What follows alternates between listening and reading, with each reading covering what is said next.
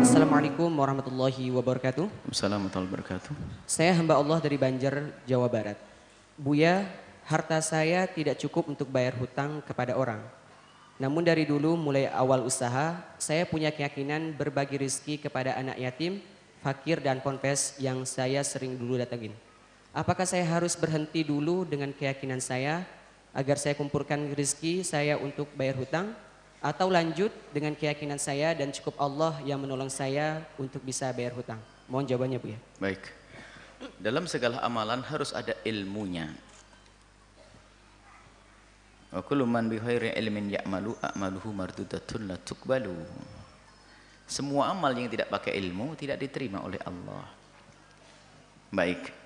Anda punya hutang. Bagi yang punya hutang secara umum. Bagaimana jika Anda punya hutang lalu berinfak dan bersedekah? Dan saya keyakinan kalau saya bersedekah nanti akan dibuka rezeki saya. Selama ini mungkin dia berkeyakinan seperti itu. Apakah dia baca dari sebuah bacaan atau omongan seseorang yang dia lagi ngantuk sehingga tidak sempurna dengernya. Sehingga diyakini biarpun utang banyak tetap dia bersedekah. Maka dengan sedekah nanti akan dibuka oleh Allah, dimudahkan semuanya. Bukan begitu ilmunya sederhana.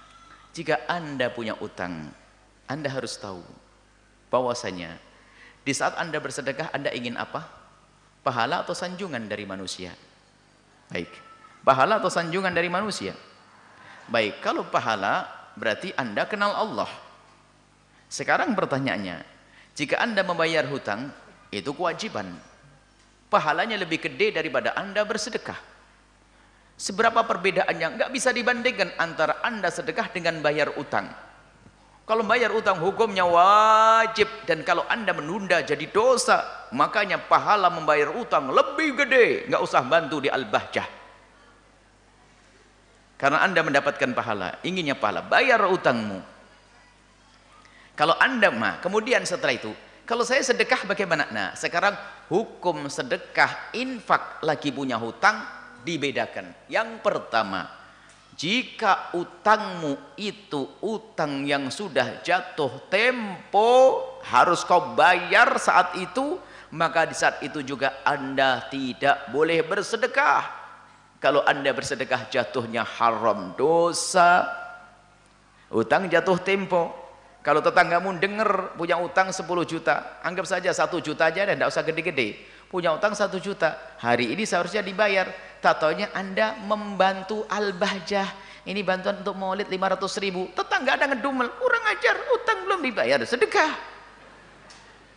Enggak perlu, makanya semuanya pakai ilmu. Jangan sedekah, sedekah, sedekah, sedekah. Utangnya numpuk. Berarti dia bukan karena Allah. Karena pengen disanjung manusia. Kalau dia sudah banyak sedekah. Atau ilmunya yang salah tapi kalau utangnya belum jatuh tempo bayarnya nanti bulan apa bulan Sya'ban dan anda punya gambaran untuk membayarnya karena bayarnya bulan Sya'ban maka hari ini anda nyantai anda masih bisa bersedekah karena belum jatuh tempo kalau belum jatuh tempo, boleh anda bersedekah. Sudahlah wahai hamba Allah. Takutlah kepada Allah. Amallah, berbuatlah karena Allah. Bukan pengen disanjung. Apalagi yang nyanjung manusia. Yang nyanjung adalah Allah. Yang nyanjung teman. Wah hebat dermawan. Enggak tahu. Utangnya gunung. Ya, enggak begitu. Tolong ya. Kita perlu kenal Allah. Kalau ada seruan-seruan seperti itu, ya tidak perlu dengar karena salah seruan itu. Anda menyakiti orang yang Anda pinjamin uangnya. Utang belum dibayar kok.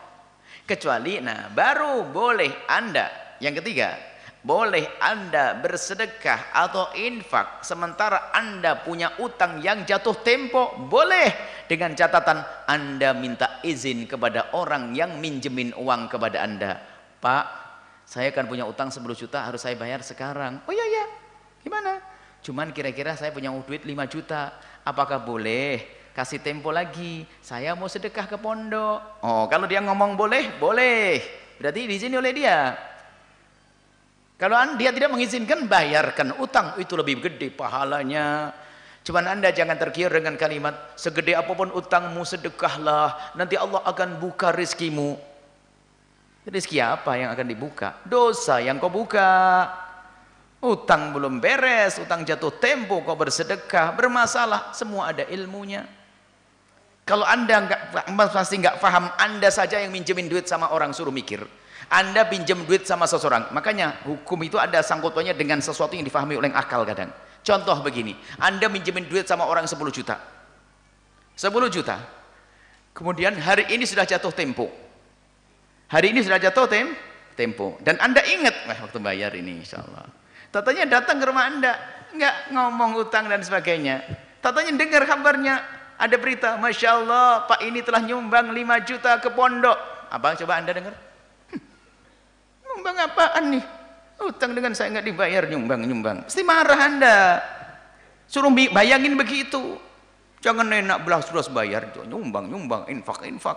Katanya nanti utangmu akan dibayar. Siapa yang bayar? Kemudian, kebaikan orang kafir pun akan diberi imbalan oleh Allah. Kalau anda berbuat baik dengan cara yang salah kayak tadi misalnya. Misalnya Anda punya utang, utangnya belum utangnya sudah jatuh tempo, tapi Anda lebih banyak sedekah, akan dibalas oleh Allah di dunia. Tapi tidak ada balasan di akhirat. Karena orang kafir pun jika berbuat baik, Allah yang Maha Kasih akan dibalas. Anda pun kalau bersedekah dan infak dengan cara yang salah, Allah juga akan balas. Cuman balasannya hanya urusan dunia. Mungkin benar gara-gara Anda sedekah, infak dan sebagainya tadi, padahal utangmu banyak sehingga engkau dikenal oleh orang, dianggap sebagai orang dermawan, lalu buat ikatan kerja, lalu Anda berhasil. Tapi Anda ketahuilah, ini adalah bisikan setan, bukan cara yang benar, bukan suatu yang terhormat. Karena apa? Anda menjalin dengan cara yang salah. Seperti orang kafir kalau berderma, bagaimana kalau ada orang kafir berbuat baik, sering berderma dan sebagainya. Oh, Allah tidak akan menyanyiakan amalnya. Dia akan dibalas cuman di dunia, nggak akhirat nggak dapat. Masa Anda hanya pengen di dunia saja, pengen sukses dunia? Enggak dong. Kita pengen sukses di akhirat juga. Dunia sukses, akhirat sukses. Baik ini saja. Semoga semuanya waspada. Termasuk belum bayar zakat, sedekah. Dan betul kata orang kaya, sedekah lebih mudah daripada bayar zakat. Sebab kalau bayar zakat nggak ada yang menyanjung. Tapi kalau sedekah bisa bangun masjid, bangun pondok, semua orang bisa tepuk tangan. Hebat.